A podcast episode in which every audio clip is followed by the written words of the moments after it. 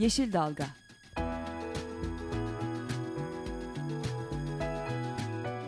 Çevre mücadeleleri üzerine.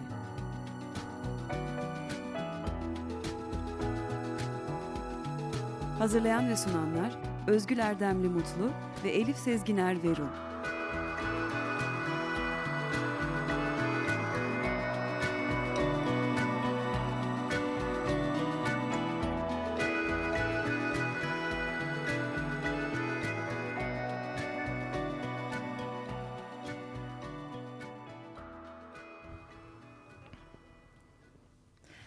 Herkese merhaba diyoruz. Tema Vakfı ile Yeşil Dalga programına hoş geldiniz. Aslında e, bugün bu programı e, sunan ekipten Durukan Dudu ve Özgül Erdemli Mutlu olarak ben çok heyecanlıyız. Çünkü bu bizim birlikte sunduğumuz ilk program. Gerçi Tema Vakfı daha önce Açık Radyo'da e, program yapmıştı ve bize genel olarak kapılarını her zaman açık tutan mücadelemizde olsun. Gerek Tema Vakfı olarak gerek doğa koruma mücadelesi yapan diğer sivil toplum kuruluşlarına her zaman kucak açan bir radyo. Bu sefer konuk olarak değil ev sahibi olarak burada olmaktan dolayı mutluyuz. Evet ben de aynen öyle. Ee, bugün aslında e, yeni yayın dönemiyle beraber biz Yeşil Dalga programına başlıyoruz ve ümit ediyoruz ki sadece bu yayın döneminde değil önümüzdeki dönemde de sizlerin de ilgisiyle, sizlerin de katkılarıyla birlikte pek çok programa birlikte yapacağız.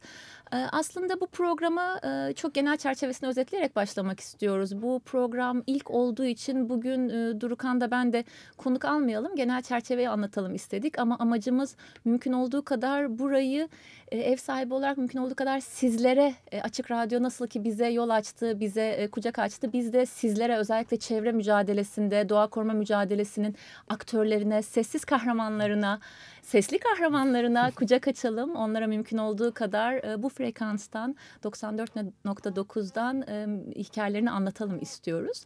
Ama e, bu hafta itibariyle bu e, Tema Vakfı olarak hazırladığımız programda ne yapmak istiyoruz? Amacımız ne? İçeriğimiz ne? Nasıl bir dil ve üsluptan yanayız?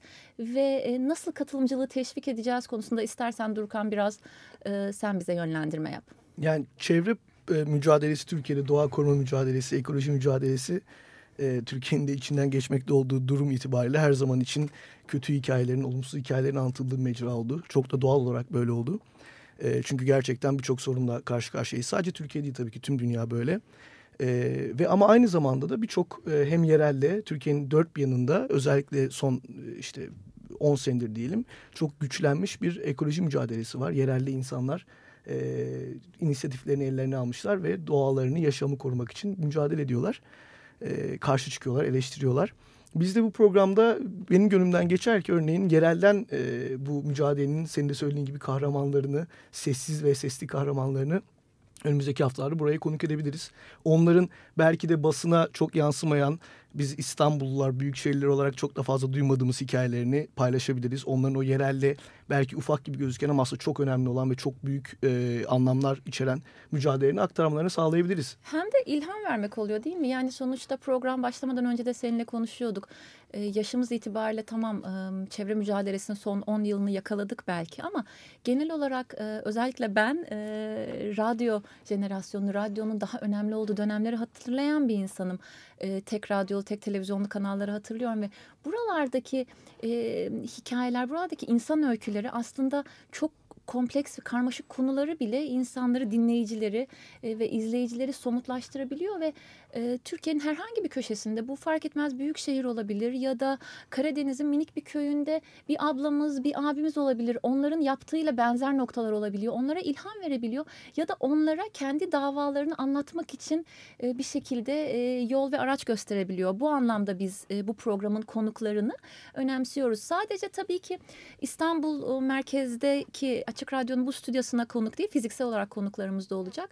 Ama biz aslında istiyoruz ki e, sosyal medyanın da günümüzde 2012 senesinde artarak ama tabii ki son içinde bulunduğumuz yüzyılda daha da e, öneminin artarak devam ettiği bir süreçten geçiyoruz. Biz de işte hem Açık Radyo'nun Facebook sayfasından hem Twitter sayfasından hem de Tema Vakfı'nın Facebook ve Tema Vakfı'nın Twitter sayfasından mümkün olduğu kadar sizlerin önerilerinize göre sizlerin e, gündemle ilgili önerileri, konuklarla ilgili önerileri e, ya da bir açtığımız e, burada sunucular ve e, yapımcı ekip olarak açtığımız tartışmanın daha da detaylandırılarak e, bir yerlere bağlanması ya da çözüm önerilerin paylaşılabileceği bir platform olsun istiyoruz. Kesinlikle o zaman şey de yapalım. E, bundan sonraki haftalarda e, burada bir söz niyetine verelim bunu. E, yanımıza bir bilgisayar da alalım.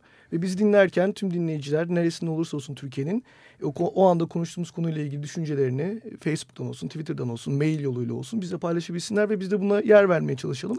Çok da güzel olur. Gerçekten de senin bahsettiğin o katılımcı ve herkesin sözünü uçuran açık radyonun sloganında olduğu gibi söz aynen, uçar aynen öyle. dediği gibi bir ortam yaratmak çok güzel olur gerçekten. Böyle dedik bu kadar içerikten ve yapmak istediklerimizden e, kısaca bahsettikten sonra isterseniz yolda gelirken bile o nefis bahar havasını içimize çekerek geldik. Oradan e, hareketle e, Durukan'la konuştuğumuz birkaç konuyu sizler de paylaşmak istiyoruz. Aslında her ne kadar e, açık radyonun yeri Şişli'nin ortasında binaların arasında olsa da bahar öyle bir şey ki sokakların Sızıyor, evet. içinden minicik yerlerden o filizlenen yeşillikler o kelebekler hepimizi hayrete düşürüyor ve insanda gerçekten bir mutluluk duygusu yaratıyor. Böyle demişken e, cemreler cemreler cemreler. Anneannelerimizden duyardık, babaannelerimizden sonra annelerimizden duyuyoruz. Cemrelerle ilgili sen daha genç olduğun için sana takılmadan edemeyeceğim. Evet.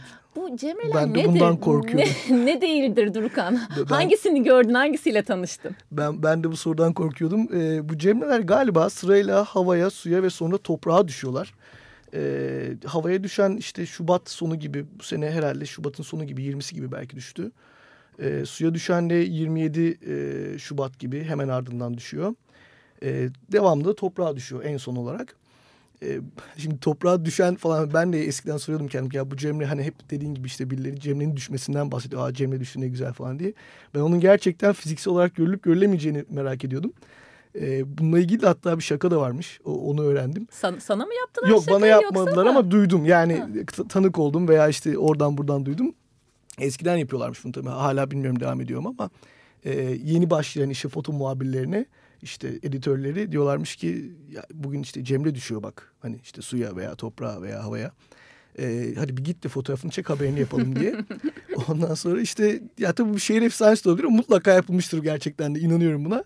Sonra gidiyorlarmış insanlar işte suya düşecek falan filan gidiyorlarmış bir gölün kenarına Bekliyor. veya boğaz içine boğaz e, içine gidip işte bekliyorlarmış düşsün de fotoğrafını çekeyim diye. Sonra akşam gelip ya bulamadım göremedim falan deyip. Çok şeker. Ama gerçekten de e, Cemre'nin düşmesi yani aslında. Hakikaten de fark ediliyor. Fark yani ediliyor. bunun bir de tabii ki bu Cemre'lerin düşmesi sadece bizim kültürümüzde değil hani genel olarak e, sözel yani oral kültürlerin baskın olduğu eski zamanlardan beri gelen bir şey. Benim aslında ilgimi çeken de Cemre'nin Türkçe'ye aynı zamanda bir kız ismi olarak da yansıması. Evet. Yani bir şekilde bu doğanın ve onu düşündürüyor. Yani toprak ananın anaçlığı ve Cemreler e, havaya suya toprağa düşüyor ama günün sonunda Cemre ve Cemreler e, bir feminenliği, bir anaçlığı, doğurganlığı, Tam baharı da, evet. ve yaz bunları sembolliye diye düşünüyorum. Bunlara e, anlatıyor aslında tam, bir an. Tam da doğa ana sembolü gibi yani doğu kültürlerinde özellikle yani Asya kültürlerinde, Güney Asya kültürlerinde e, çok gerçekten doğa ve ekoloji çok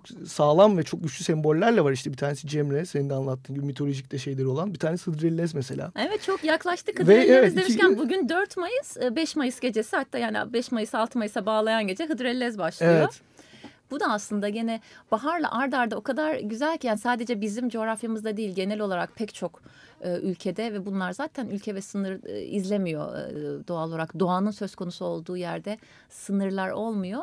Ard arda gelen, ard arda gelen ve hepimize yaşama sevincine boğan şeyler. Hıdrellez kutlamaları da aslında e, tarihi değişmekle birlikte e, miladi takvime göre 6 Mayıs Rumi takvime göre 23 Nisan e, diyebiliriz. Başlangıcı aslında 6 Mayıs ama bu bir süreç yani Hıdrellez bir şeyin başlangıcını sembolize ediyor belki ama 4 Kasım'a kadar olan günler Hızır günleri adıyla aslında yaz mevsimini müjdeliyor. Yani ilkbahar yazı müjdeliyor ve e, Kasım'ın başına kadar bunlar devam ediyor. Kasım'dan itibaren 6-8 Kasım tarih değişebiliyor. 8 Kasım'dan 5 Mayıs'a kadar olan sürede Kasım günleri adıyla kış mevsimini e, tam da işte ekolojinin o döngüselliğini aynen, çok aynen. güzel yansıtan bir durum. Ee, ama bu sene e, Hıdrellez demişken Hıdrellez'le birlikte olan önemli bir toplantı var. İstersen onun da duyurusunu evet, e, yapalım hazır buradayken. Çok güzel bir güne denk geldi gerçekten. E, 6 Mayıs'ta yani pazar günü bu pazar Ali Ağa'da e, biliyorsunuz Ali Ağa'da yani Ali Ağa tarih boyunca çok ciddi e, termik e, santrallerle ve diğer işte endüstriden endüstriden kaynaklanan sorunlarla boğuştu. E, şimdi yeni yapılmak istenen termik santrallere karşı da 6 Mayıs'ta 1 milyon İzmirli e, kampanyası e, 6 Mayıs'ta bir miting düzenliyor. Hatta 5 Mayıs gecesinde de bu da benim çok hoşuma gitti. 5 Mayıs gecesinde de bu e, Rock A diye bir e, festival vardı daha önceki senelerde evet, yapılmış. Doğru. O festivali düzenleyenler de çağrı yapmış. Biz 5 Mayıs gecesinden gideceğiz ve orada kamp kuracağız. Hani mitingden önceki gece diye. Böyle bir miting var. Ee, Buradan biz... da ilgili olan herkesi çağıralım. Özellikle e, memleketim İzmir'de olan, İzmir'in yakında olanları fiziksel olarak oraya davet edelim. Ama bir diğer yandan da bir de imza kampanyası var. Yani e, Ali Ağa'daki termik santralle ilgili olarak e, harekete, eyleme katılmamasa bile günümüz sosyal medya çağı ve evet. gerçekten de sadece oturduğumuz e, yerde dinlemekle, duymakla kalmamalıyız. Bir şekilde minik bir adım bile olsa ne yapabiliyorsak, ne yapabiliyorsak evet. ona katkıda sağlayabiliriz ve bir yandan da bir imza kampanyası evet, var 1 milyon.org bir e, rakamla yazılıyor. 1 milyon.org e, web sitesinden üzerinden bu imza kampanyasına, kampanyasına katılabiliyor e, herkes. E, yani 6 Mayıs'taki etkinlik de bence çok güzel olacak. Çünkü duyurusu da çok hoşuma gitti. Şöyle diyor örneğin tam olarak okuyorum. E, gün boyunca sürecek şenliğimize defa şenlik kelimesi geçiyor çok güzel.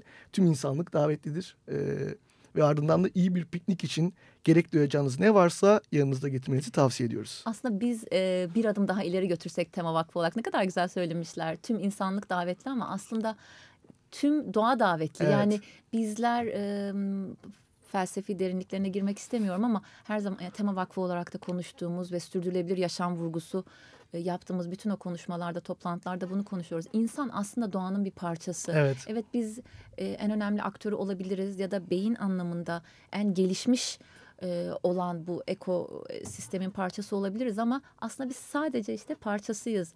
İnsanlık devam etmese de, hayvanlar alemi devam etmese de, bitkiler alemi bir şekilde felaket olsa ve e, bütün ekosistem gitse bile aslında dünya var olmaya devam edecek. Kesinlikle. Onun için e, buradaki en akıllılar olarak e, evrimleşme anlamında aslında bizim sorumluluğumuz çok daha fazla. Maalesef ki baktığımızda küresel ısınmadan çölleşmeye, erozyona, e, sulak alanlarla ilgili felaketleri nereye bakarsak bakalım insan eliyle yapılan zararların çok daha fazla olduğunu görüyoruz. İşte burada da yaptığımız zararla kalmayıp yaptığımız zararı tersine çevirecek ve çözüm odaklı şeyler getirebilecek de yine insanoğlu ve yine bizim düşüncelerimiz ve, ve eylemlerimiz kesinlikle olacak. ve özellikle yine benim gözlemlediğim e, naçizane son 10 senelik bir süreçte diyorum yine Türkiye çapında özellikle her şeyin birbiriyle ne kadar bağlantılı olduğunu artık gerçekten anlıyoruz. Yani anladık ve giderek daha fazla insan bunun farkına varıyor. Yani az önce de bahsettiğin iklim değişikliği konusundan e, örneğin yani neden bahsedebiliriz burada? E, işte e, nükleer santrallere kadar e, termik santrallerden e, yaşadığımız e, ekonomik hayatın diyelim içinde bu yaptığımız aktivitelerin birbirine sonuç etkisine kadar ya son da derece gıdayla ilgili gıdayla olan, ilgili olan kapımızda olan gıda krizine yani kadar. daha geçen gün işte haberlerini okuduk bu süt zehirlenmesi konusunu biliyoruz ki bugün hiç e, sorun yaşamadan başka bir e, iklim değişikliğinin örneğin bağlayabiliriz. Yani ikisi arasında bir bağlantı olduğunu çok rahatlıkla görebiliriz. Doğru, doğru. E, bu arada demin e, şenlik dedik ve e, olaya her ne kadar sorunlar olsa da sorunu çözecek de insanoğlu bizleriz, bireyleriz, içinde bulunduğumuz gruplar, sivil toplum kuruluşları, kamu veya özel sektör veya üçüncü sektör hiç fark etmez. Burada biz hepimiz paydaşız, hepimiz bunun bir parçasıyız. Olaya böyle de bütünsel bakmak lazım. Biz de programımızda aslında bütünsellik demişken ee, hem e, doğa koruma mücadelesindeki hem e, çevreyle ilgili olarak iyi örnekleri, iyi vakaları, ilham veren demin konuştuğumuz kahramanları gündeme getirmek istiyoruz. Ama bir yandan da e, tabii ki olan sorunları mümkün olduğu kadar objektifliğiyle e, dengeli bir şekilde dengeli bir şekilde aktarmak istiyoruz. Ama işte bu olumlu demişken e, Yakın zamanlarda Avrupa'dan, bölgemizden güzel bir haber geldi. E, Almanya'dan. İstersen kısaca ondan da bahsedelim. Çünkü bu e, bizleri sevinen, yeterli olmayan ama yine de bizleri e, sevindiren bir haberdi. E, evet, kesinlikle. Yani bugün e, hep bahsediyoruz. Enerji konusu e, tüm işte ekosistemle, ekolojiyle alakalı sorunların içinde çok önemli bir yer kaplayan bir e, noktaya geldi. E, biliyoruz Almanya'da e, özellikle Fukushima'dan sonra nükleerden çıkma yönünde çok ciddi ve kesin kararlar almış durumda. E tabii bu kararı aldıkları zaman bir şeyle karşılaştılar. Bir soru işaretle karşılaştılar. Peki nükleerden çıkıyoruz ama E, bunun yerine ne koyacağız? Nasıl bu elektriği üreteceğiz? E, bazıları dediler ki yok olamaz böyle bir şey. Yani Almanya üretemez, beceremez. Bazıları dediler ki olur. Bu olur diyenleri haklı çıkaran bir gelişme oldu. E, Almanya'nın bu sene e, bu Yeşil Gazete'de yayınlanan bir haber. E, 2 Mayıs'ta. Almanya'nın bu sene Ocak ayı ve Şubat ayında toplam 650 megawatt kurulu güç de e, yeni e, güneş enerjisi e, yerleştirmesi olmuş. Yani yeni güneş enerjisi inşa, inşası olmuş. Bu tabii çok yüksek bir rakam. Yani evet. iki ayda 650 megawattlık kurulu güç yerleştirmek demek e, ortalama büyüklükte bir termik santral mesela e, üretecek kadar onu üretecek kadar elektrik üretebilmek demek.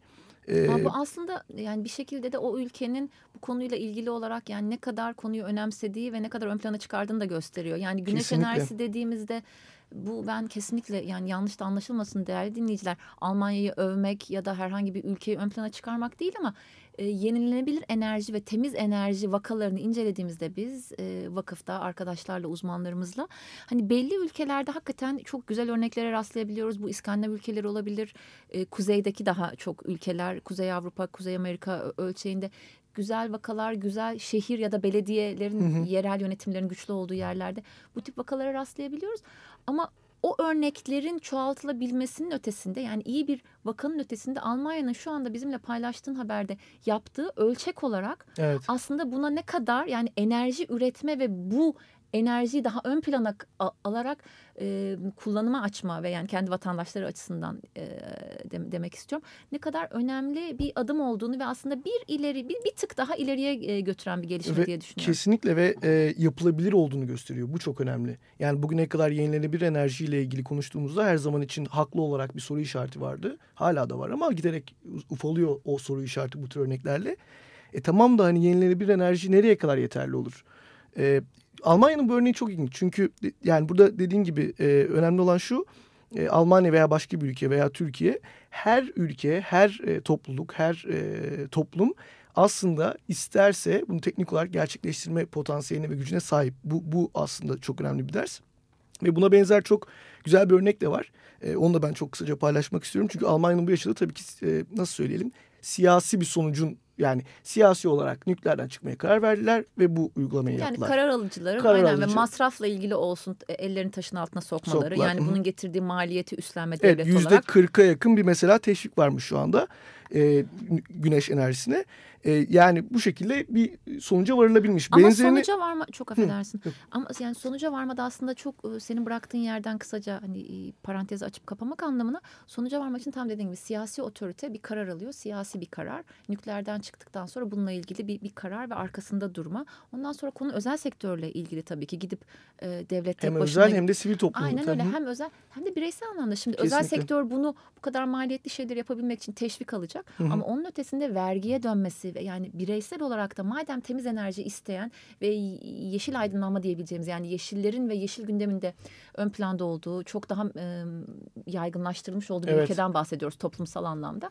Orada bireylerin vergiyle ilgili olsun kendilerinin bunu politikacılarından yerel ve merkezi talep etmeleri ve bunun getirdiği bir takım maliyetleri ki bu maliyet her zaman ekonomik anlamda değildir hı hı. ya da kısa vade, orta vade ve uzun vade diye baktığımızda paylaşması.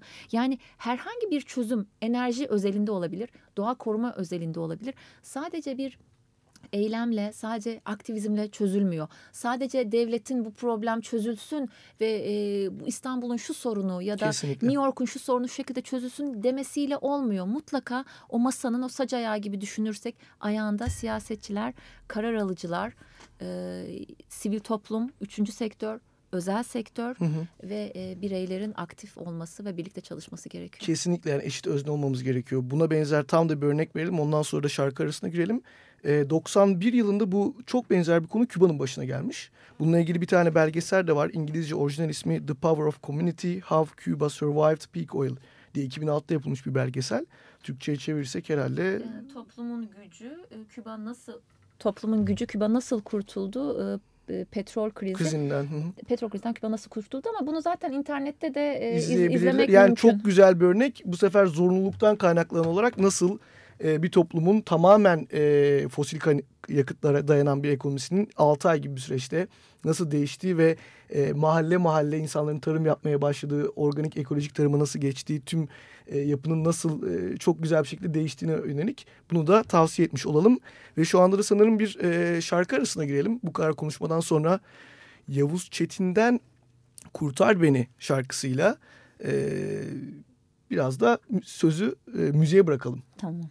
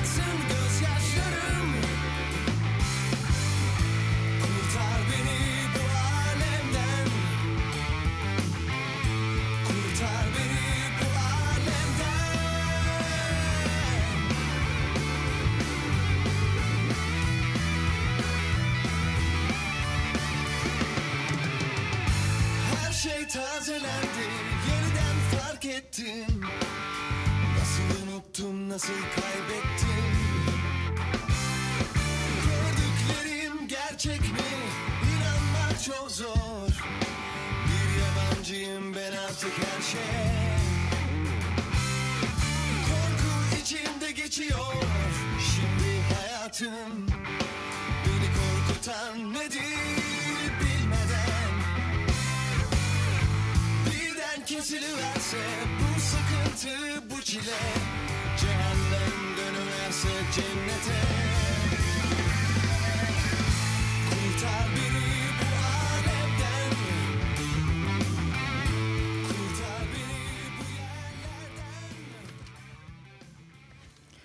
Yavuz Çetin kurtar beni bu alemden, kurtar beni bu yerlerden dedi ama biz aslında kurtaralım bu alemi, kurtaralım bu yerleri e, demek istiyoruz.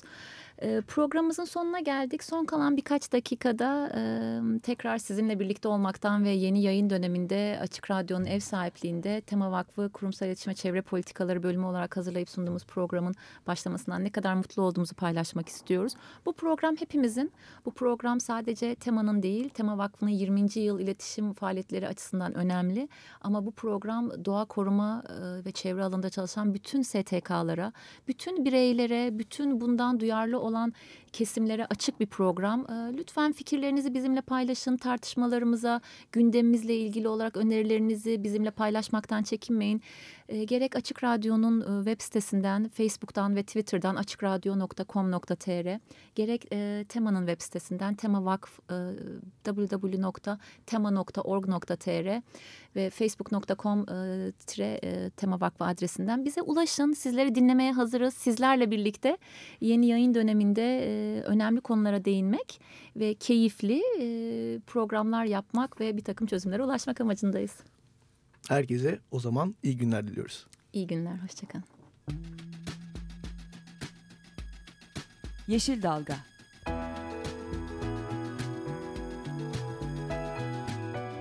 Çevre mücadeleleri üzerine